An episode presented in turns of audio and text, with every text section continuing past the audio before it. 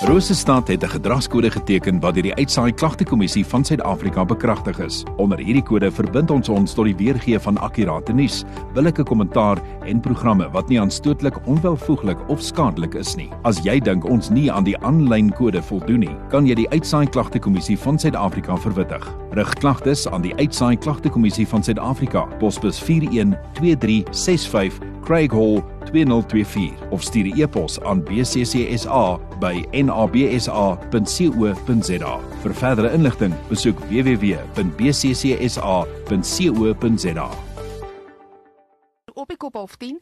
Sy is weer hier in die ateljee. Altyd lekker om haar hier te hê. Hanneke Libbe van Hospice. Hanneke, goeiemôre, welkom. Gerda, môre, dis baie lekker om hier te wees. Nou Hanneke, net weer kortliks, wie en wat is Hospice?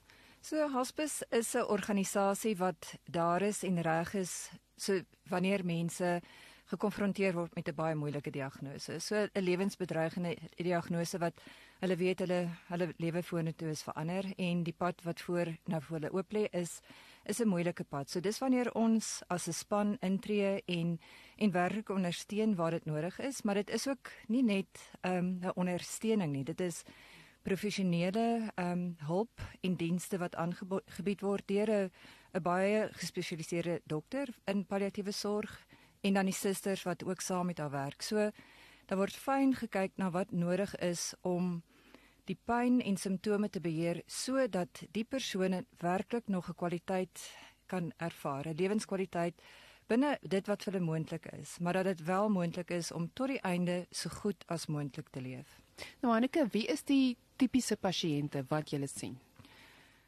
So daar is nie regtig tipiese pasiënte nie. Ehm um, baie mense dink dit is net ouer mense en ons wil eintlik eintlik wil mense sê dit moet maar net ouer mense wees wat natuurlik half aan die einde van 'n van 'n lewenspad kom. Maar ons pasiënte is is alle ouderdomme, volwassenes van van enige ouderdom. Ehm um, 20, 30 jaar. Ons het nou hierdie week 'n ehm 'n jong vrou gehad met twee jong kinders wat gesterf het en en natuurlik is dit is dit 'n moeiliker pad. Mens dis nog nie dit pas nog nie in die lewensbeeld eintlik en 'n verwagting van iemand wat jonk is in die middel van lewe staan wat moet moet afskeid neem nie. Maar die die pasiënte is mense wat wat wat gediagnoseer is gewoonlik met met gevorderde kankers of dan eindstadium orgaanversakings of dan ook persone met neurologiese siektes soos motorneuron siekte. So dit is die tipiese siektes waarna ons kyk. En die tipe dienste wat jy aanbied, watter dienste bied jy aan by Soos as ek nou na verwys het, die die belangrikste in die kern is maar regtig om om eers te kyk wat is nodig om die persoon gemaklik te maak. Ehm um, so ons kyk waar is leiding. So die dienste wat daar uh, aangebied word is aanvanklik en, en en die kern is die kliniese span, die dokter, die susters wat wat na die fisiese simptome kyk van pyn, um, tipiese simptome wat 'n mens kan verwag.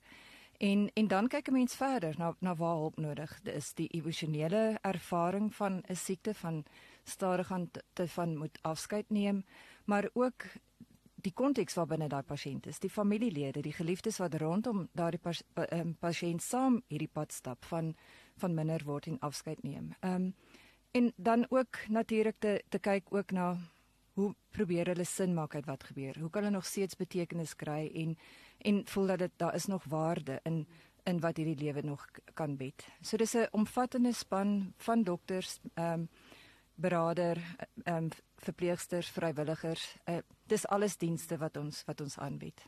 Ek gesels met Hanneke Libbe, sy is van Hospice hier in Bloemfontein. Nou Hanneke, jy praat ook van ondersteuning na die afsterwe van 'n geliefde. Hoe lyk hierdie ondersteuning? So dit is dis 'n um 'n moeilike pad wat ons almal weet na na verlies eintlik is om om uit te werk en en en te probeer sin maak uit van hoe lyk lewe nou vorentoe sonder hierdie persoon wat vir my soveel beteken het. Daarom kan ons nie sê ons hou op wanneer 'n persoon gesterf het nie. Ons ons bied daai ondersteuning nog steeds aan wat geleidelik minder word sodat of so, so ons sien dat iemand gemaklik is en wel hulle pad en hulle rigting gevind het in hierdie wêreld wat nou anders lyk. Maar ons bied maandeliks ook eh, ondersteuningsgroepe aan aan mense wat wat verlies het en meeste van hulle ook wat pasiënte by ons gehad het, ehm uh, waar hulle geliefdes by ons was wat ons ook in as 'n groep. Hulle sê baie keer sê dis in hierdie groep voel ek normaal want almal om my treur ook saam met my. Ehm um, so dis waar ons kyk na hoe dra mense toe hoe hoe ervaar mense dit en en hoe kan ons van mekaar leer om vorentoe te gaan. Nou Anneke, uh, die feestyd is op die voorstoep. Nou, is daar raad vir persone wat wat bang is vir hierdie Kersseisoen wat voorlê, wetende daar daar op Kersdag gaan daar 'n leeplek aan die Kerstafel wees. Hoe kom 'n mens uh na verlies? Hoe kom jy deur die Kersfees uh, tyd, die feestyd? Wat kan ons doen om mense wat treur in hierdie tyd te help? Ja, net soos as jy se vra, besef 'n mens eintlik hoe onmoontlik dit is om maar net 'n feestyd en 'n Kerstyd van selfspreekend in te gaan en te dink dit gaan soos gewoonlik aangaan. Ehm um, want is onmoontlik. Daai plek is leeg en alles om ons herinner aan ons aan dit wat nie meer is nie en hoe dit was. En ek dink dit is 'n 'n goeie tyd om dan eerstens te gaan stil staan en te gaan kyk na alles wat voor lê, die pligte, die take, die verwagtinge en en regtig te vra wat is nodig hiervan? Waarvoor sien ek kans? Ehm um, sien ek regtig kans om om die huis te versier, die kersboom op te sit, alles mooi te maak. Ehm um, of selfs winkels toe te gaan as daar net kersmusiek en vrolike musiek is en almal regmaak vir vakansie. En en dan regtig wat te sê as ek nie kans sien hiervoor nie, hoef ek dit nie te doen nie. So dinge stadig aan te verander. Eerder te kyk na wat het ek nodig om deur hierdie tyd te kom? Waarvoor sien ek kans? Mense om my waarby ek veilig voel en waar ek geliefd voel. Ehm um, te sê ook, dis dis hoe ek hierdie Kerstyd sal kan en wil binne gaan en en moet ek nie bang wees om om dinge te verander nie. As Kersdag self net te moeilik voel, oorweeg dit dalk om die vorige dag eerder te eet of in die aand 'n ete saam te hou. Maar praat oor julle ervaring van verlies. Ehm um, praat hoe dit voel, die verlange daar van hierdie persoon. Dit is in elk geval soos 'n wit olifant, vir groot olifant deel van elke gesprek. Ehm um, maar mense is bang om dit te noem, bang om om emosies weer op te uh, of ehm um, wakker te maak. Maar dis daar. So maak 'n deel daarvan. Maak selfs dalk oorweeg dit om erkenning te gee aan hierdie persoon in julle huis aan daai tafel met 'n kers met met gesprekke oor daai persoon herinneringe wat weer gedeel word al is daar emosies. Dit gaan onmoontlik wees om sonder hierdie emosies uit te gaan, deur te gaan.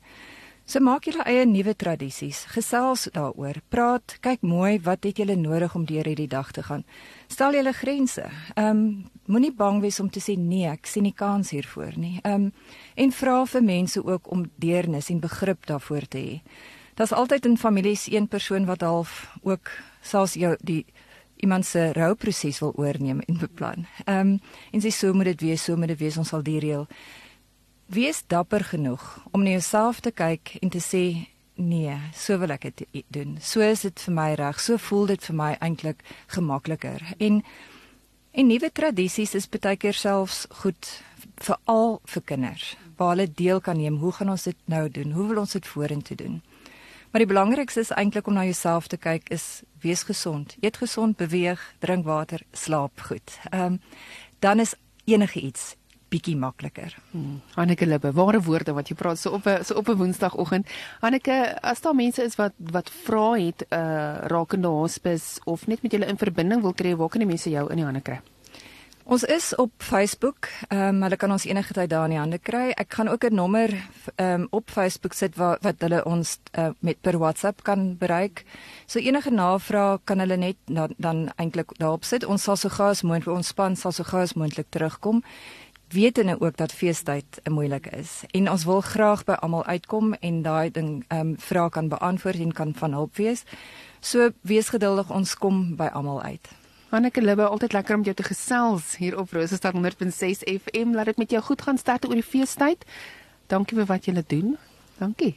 Gerda baie dankie. Dis lekker om om altyd hier te wees. Dankie.